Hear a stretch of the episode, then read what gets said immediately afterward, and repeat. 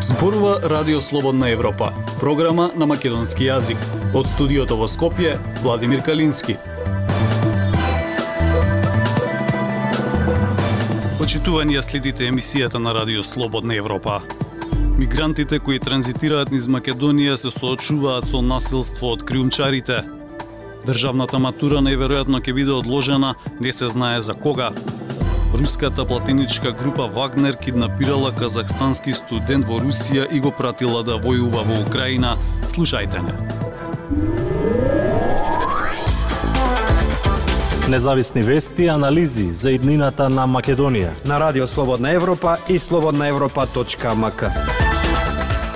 Криумчарите им наплаќаат високи суми на мигрантите за транзитот низ земјава, но често тие физички ги малтретираат. Ситуацијата е потрагична за оние мигранти кои настрадале во сообраќајни несреќи додека шверцерите бегале од полицијата со што загубиле раце или нозе.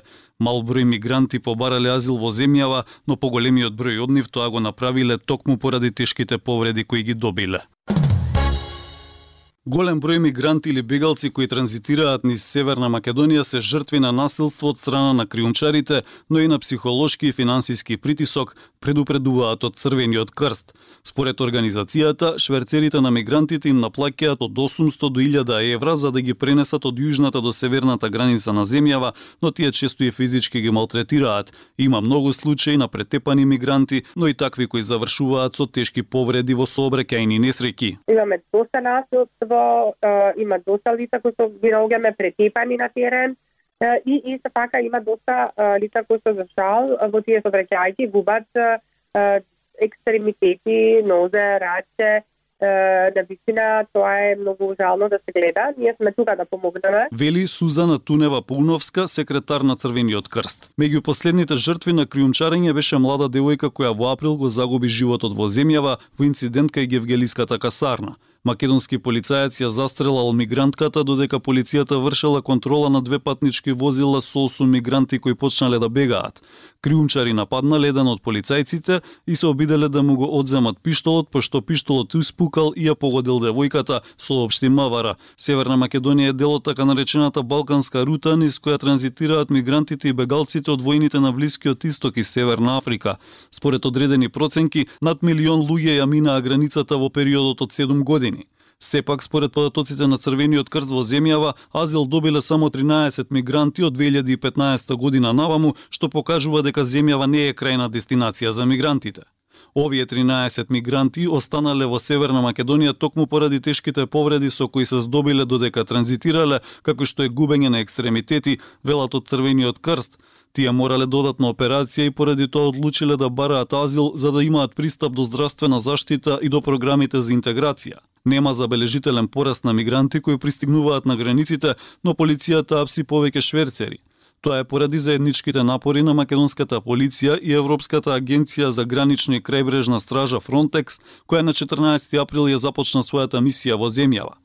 Во мисијата Frontex работат 111 полициски службеници според податоците кои ги добивме од агенцијата и невладините организации кои долго работат со мигрантите кои пристигнуваат во земјава, гледаат повеќе приведување на криумчари поради заедничките напори на Frontex и македонската полиција. Frontex е веќе отприлика месец дена активно на терен на јужната граница и мислам дека таа поддршка на нашата гранична полиција вродува со резултати со поголеми бројки на решени случаеви, поголема превенција на кримчарење на бегалци мигранти. Вели Јасмин Реджепи од граѓанската организација Легис која обезбедува помош за мигрантите во земјава.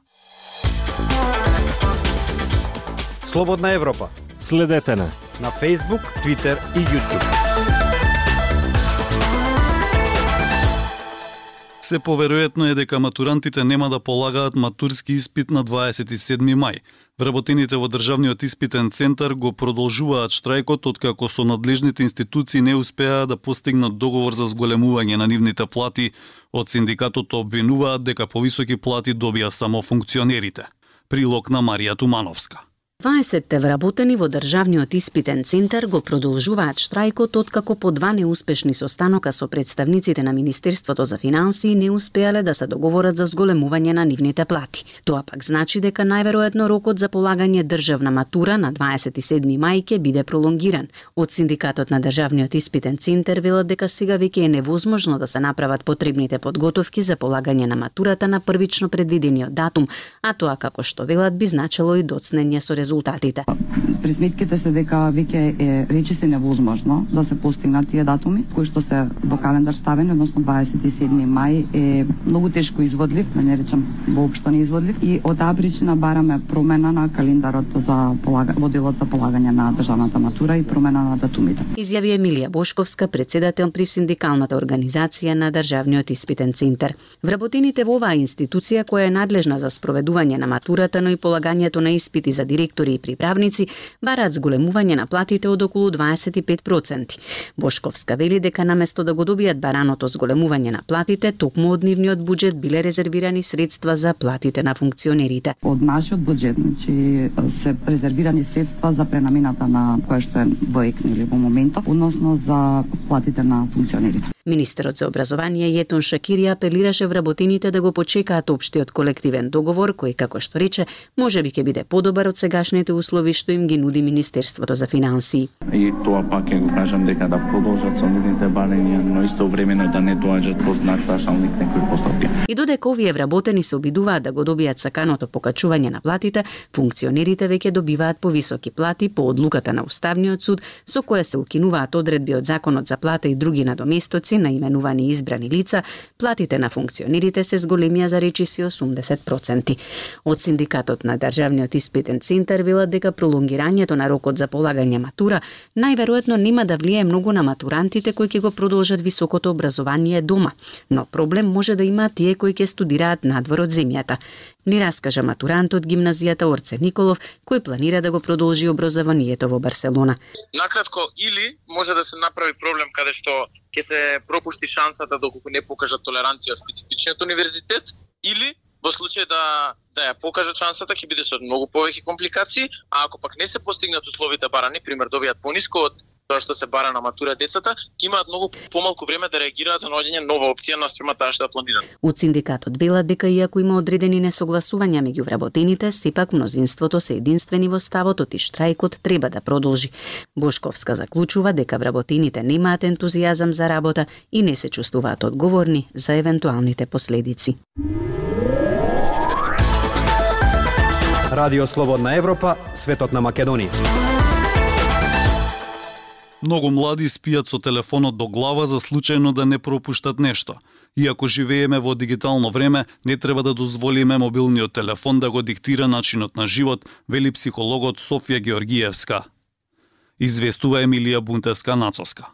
11 годишната керка на скопјанецот Сашо поминува најмалку 3 часа дневно со телефонот во рака. Контролам имаме на што гледано на некои видеа има реклами кај што не можеш да исконтролираш кога ќе се појават и што ќе предизвикат кај Од тоа реално и навеќе пратено. Вели Сашо. За да ја тргнат од мобилниот, вели минуваат што повеќе време во природа со прошетки и спорт, а оди и на јога. Според таткото, што повеќе дружби со повеќе деца, тоа помалку ќе им текнува на децата дека телефонот постои, а повеќе контакти со други деца значат и поголема свесност дека другите постојат. На филозофскиот факултет во Скопје неодамна се дискутираше за влијанието на социјалните медиуми врз менталното здравје на младите. Модераторката на настанот, професорката и психолог Софија Георгиевска Гревска вели дека социјалните мрежи не само што влијаат врз чувството на осаменост кај младите, туку и во голема мера влијаат врз негативната слика за себе поради споредувањето со другите. А ако нема редовен контакт со другите во живо, очекувано е некој да се чувствува сам и тажен, вели таа. Младите можна да добро владеат со технологијата, меѓутоа она што треба да го научат е да на вистина не бидат тие робови на технологијата, туку технологијата треба да не служи нас како да речам средство или може би ако си изразам со меслинговски јазик младите технологијата треба да биде нашиот троп. Изјави Георгиевска. Потребата да се биде ин и вклучен го зголемува времето поминато на социјалните медиуми, вели професорката. Па така младите спијат со телефонот до глава за случајно да не пропуштат некаква информација и да не не се во тек или да не не одговорат веднаш. Во просек поминуваат меѓу 4 и 8 часа дневно на социјалните медиуми, што е еднакво на една третина од денот, посочува професорката. Иако во онлайн светот има многу корисни информации, во се треба да се има граница, советува таа. Препорачува и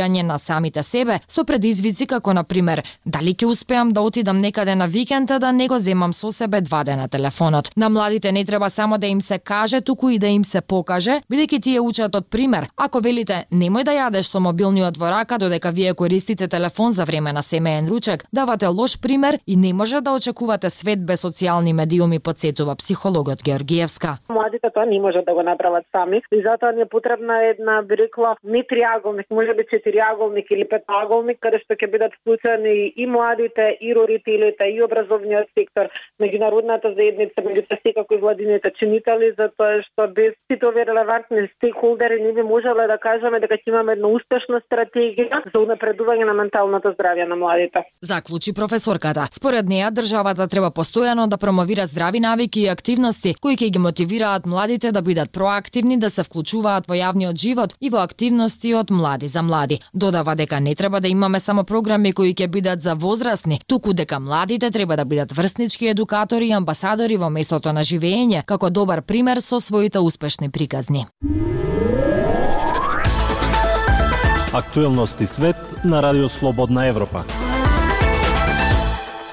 Руската платеничка група Вагнер киднапирала казахстански студент во Русија и го пратила да војува во Украина, обвинува семејството на студентот.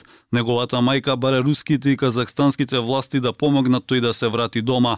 Не е прв пат Вагнер да е обвинет дека испраќа луѓе во борба без нивна согласност. Пелагија Стојанчова. Некаде околу 18 март, 23 годишниот син на Алмира Бекенова исчезна. Откако цела недела не се чула со синот Маргулан Бекенов, студент на четврта година на Државниот универзитет во Томск во Западен Сибир, Бекенова добила криптирана СМС порака од неговиот телефон. Јас сум жив и здрав, не можам да се јавам. По неколку недели упорна потрага во Русија, Бекенова рече дека дознала од незиниот син бил киднапиран во Томск од представници на озогласената платиничка организација Вагнер. Тој насила бил однесен во тренинг камп во југозападна Русија, иако никогаш не подпишал договор со навидум приватната фирма која работи во тесна координација со руските безбедносни агенции. Потоа, вели таа, против негова волја бил испратен во воената зона во Украина.